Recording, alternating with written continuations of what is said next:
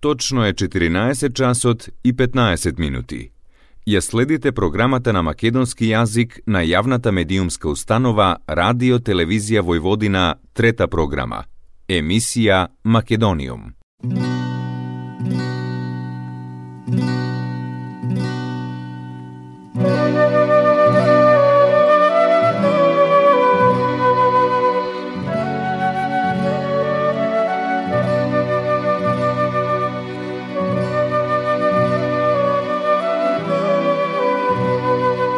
Македониум.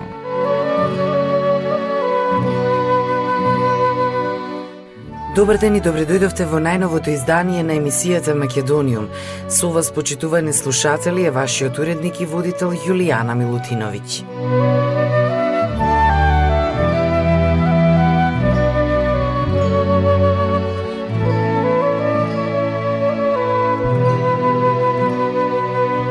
Следниот лидерски самит на Отворен Балкан ќе се одржи во првата половина од јуни во Охрид, информираше премиерот на Република Северна Македонија Димитар Ковачевски по неговиот вчерашен онлайн состанок со председателот на Србија Александар Вучиќ и со премиерот на Албанија Еди Рама. Председателот на владата на неговиот Facebook профил наведе дека со Вучиќ и Рама одржал многу значаен онлайн состанок за идните чекори од нивната заедничка, препознаена и успешна иницијатива Отворен Балкан. Ковачевски најави дека на почетокот од септември заедно ќе организираат голем туристички саем на вино и храна во Србија. Уверен сум, додаде премиерот, дека македонските производители на вино и храна ќе имаат што да му покажат на регионот. На самитот во Охрид ќе бидат подпишани значајни договори и меморандуми за соработка во културата, туризмот и економијата и затоа на овој состанок беа присутни и Министерката за култура Бисера Костадиновска Стојчевска, Министерот за економија Крешник Бектеши и Министерот за земјоделство, шумарство и водостопанство Љупчо Николовски, додава Ковачевски во својата објава. Тој посочува и дека иницијативата Отворен Балкан останува отворена за Црнагора, Косово и Босна и Херцеговина. Заедно сме Европа, потенцира председателот на владата во објавата на неговиот Facebook профил.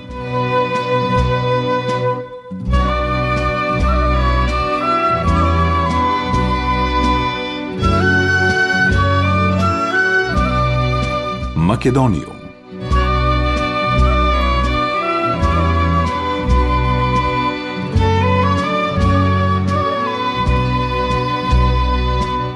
Еврокомесарот за проширување Оливер Вархеј во рамките на неговата турнеја низ регионот, која ги опфаќа и Хрватска, Бугарија и Албанија, денеска престојува во Скопје. Вархеј предходниот ден беше во Софија каде што имаше средби со председателот Румен Радев, премиерот Кирил Петков и шефицата на дипломатијата Теодора Генчовска.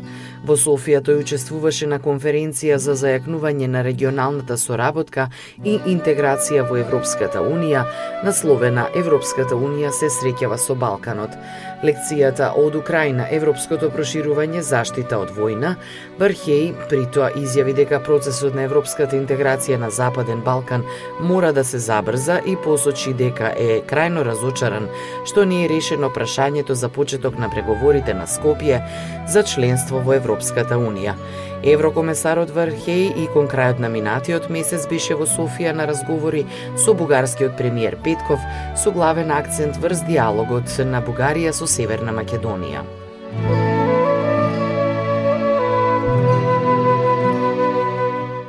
Македониум.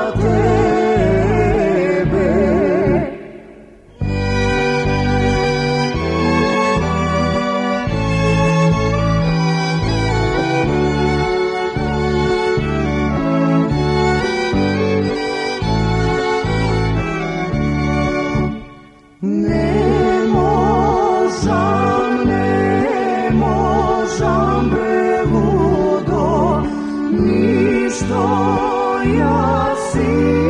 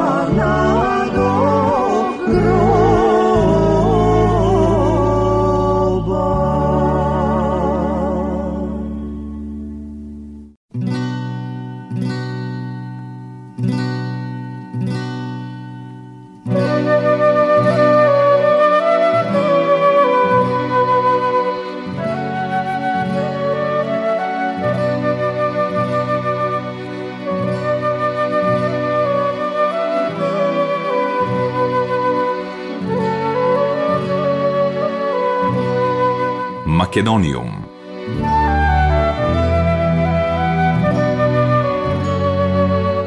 Бугарскиот предлог за поместување на ветото за Македонија со тоа што Европската Унија би била своевиден гарант за правата на бугарите во Македонија, најде на повеќе критики од македонска страна, но предизвика и поделени мислења кај дел од експертите.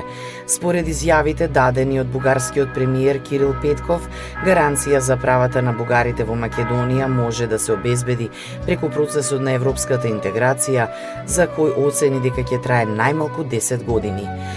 Има многу поглавја на незиниот пат кон Европа. Ние треба само да ги поставиме нашите услови, на пример, за уставот пред првото поглавје. На овој начин со укинувањето на ветото, ние на Северна Македонија и даваме пат да тргне. Но во овие посебни поглавја можеме да ги ставиме сите услови кои ни се необходни и така нема да го решиме проблемот што моментално постои за една или две недели, туку ќе имаме 10 години да работиме заедно за да може на вистина Северна Македонија да биде европска држава и сите права на бугарите таму да бидат целосно заштитени, изјави Петков. Ваквиот предлог беше критикуван од ВМРО ДПМН, при што лидерот Христијан Мицковски изјави дека на ваков начин Бугарија ќе го внесе спорот во преговарачка рамка, што ќе води до бугаризација на земјата. Од СДСМ пак вратија дека нема да биде дозволена никаква асимилација на македонскиот народ. Македониум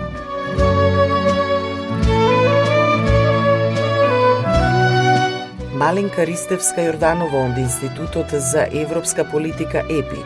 Предлогот на премиерот на Бугарија Петков го нарекува абсурден и смета дека може да доведе до нова ескалација на бугарските барања.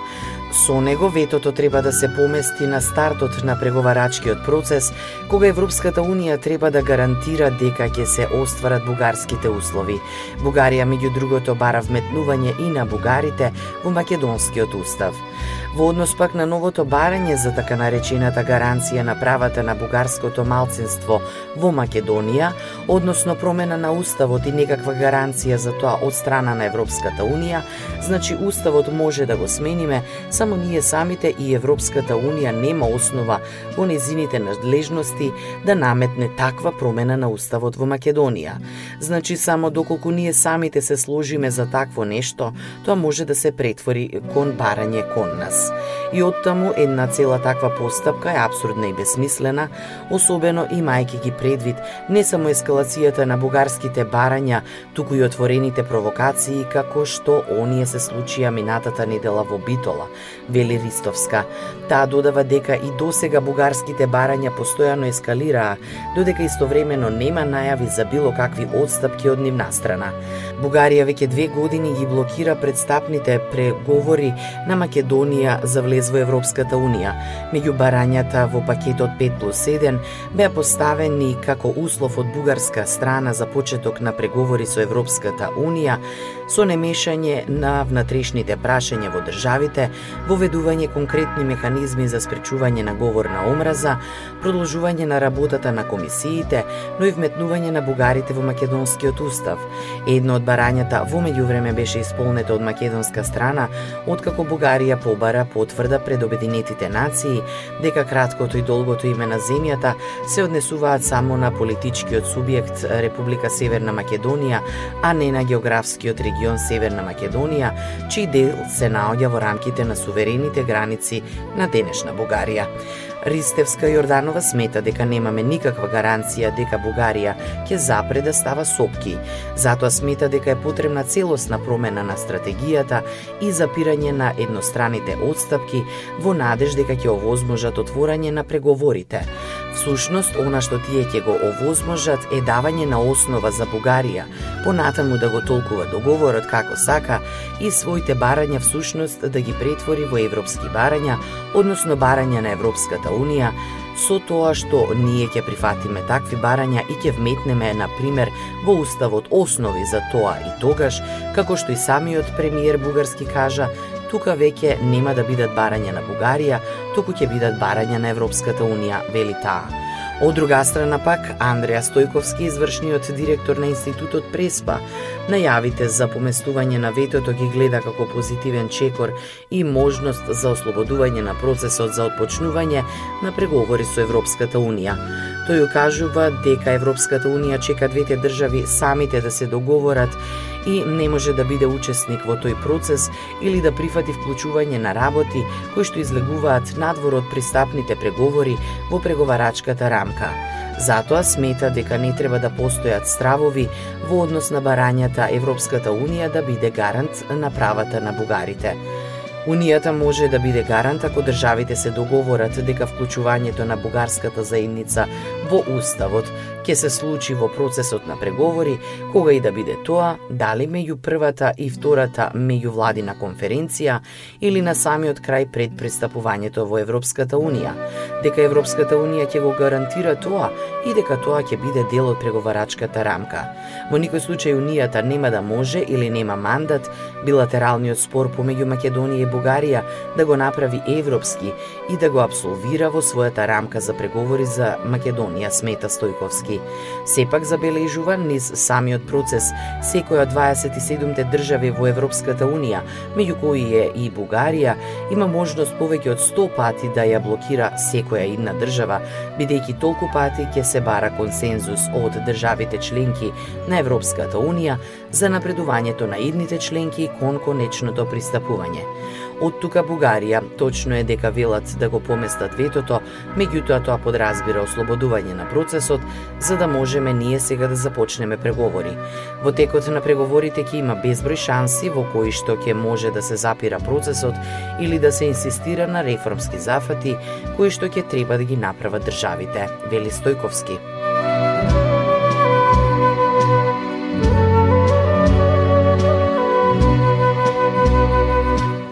Macedonium.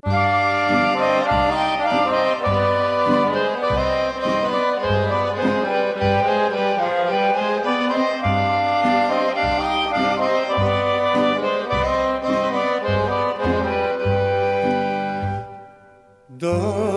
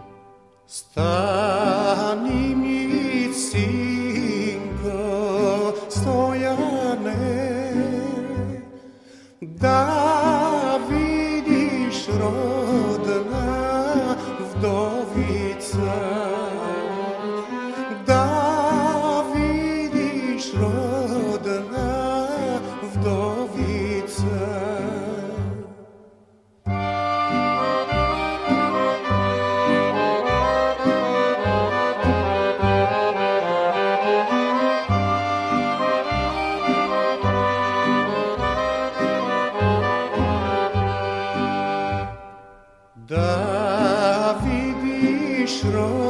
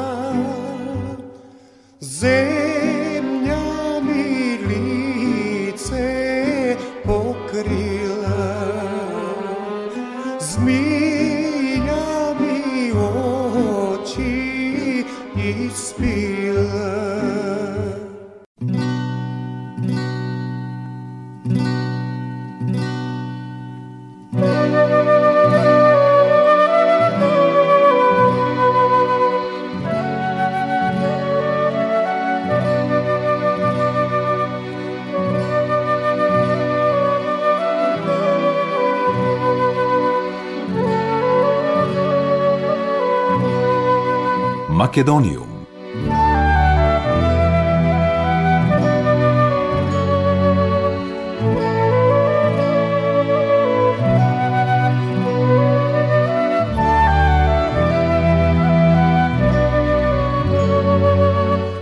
Познатиот македонски уметник со светско реноме Киро Урдин е одликуван со орденот Витез во редот на уметноста и книжевноста на Француската република за придонес во развојот на пријателството и културните врски меѓу Македонија и Франција.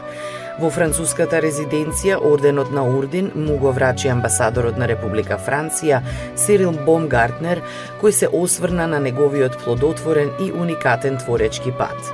Од почетуците, кога како несуден адвокат со завршен правен факултет на Универзитетот во Белград заминал во Париз во 70-тите години, градот на светлината и колевката на уметноста, преку работата во најразлични простори на сите пет континенти, се до денешни дни Стекнувајќи меѓународен углед, амбасадорот Бомгартнер посебно се задржа на планетаризмот, движење основано од Урдин.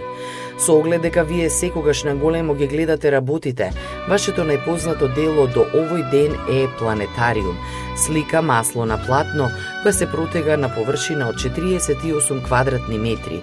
Тоа е првото платно на кое сте работеле ширум светот.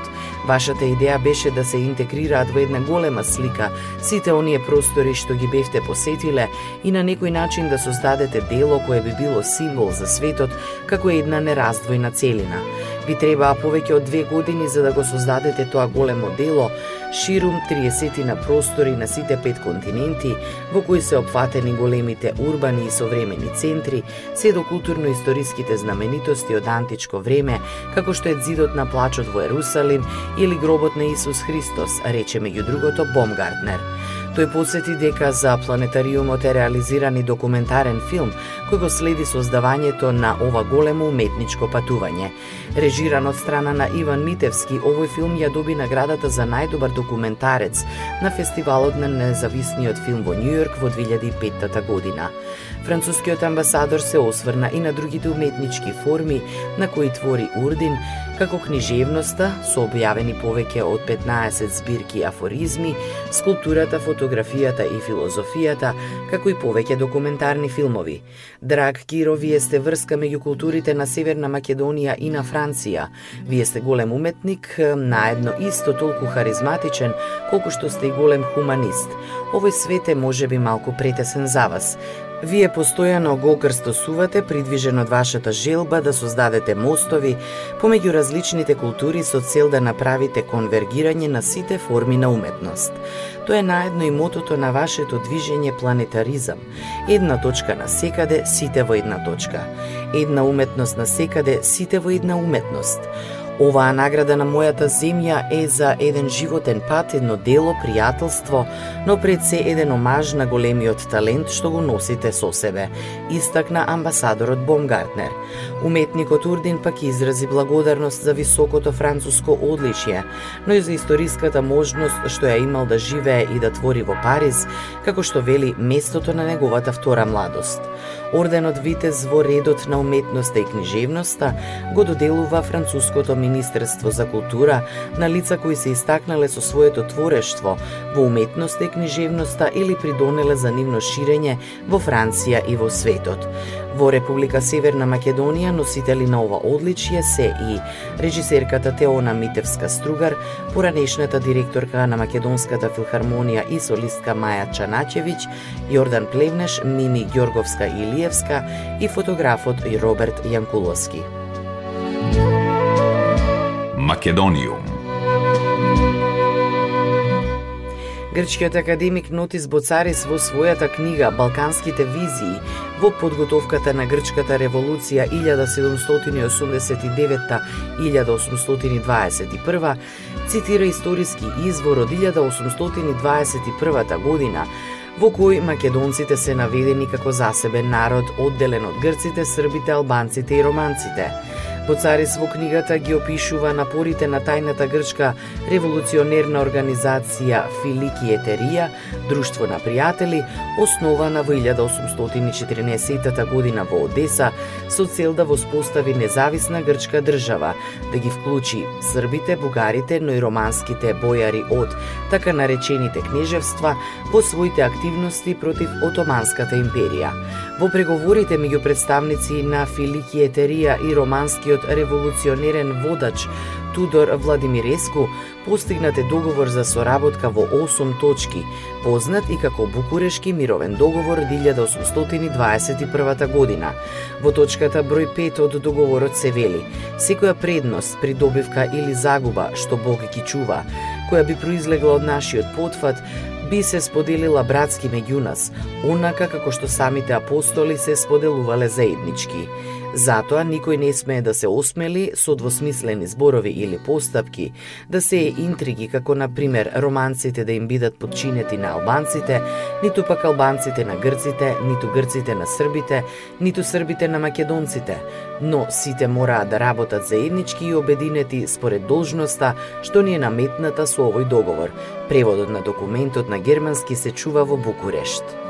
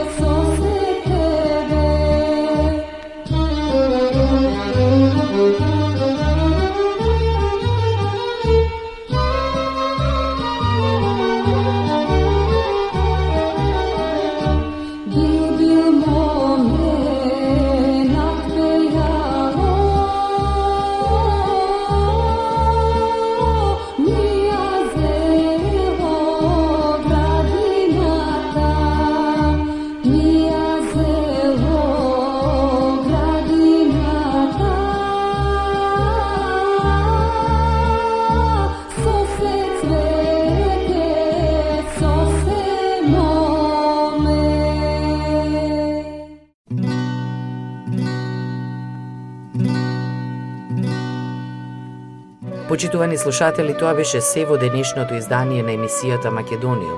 До следната среда во исто време, срдечен и голем поздрав од вашиот уредник и водител Јулијана Милутиновиќ.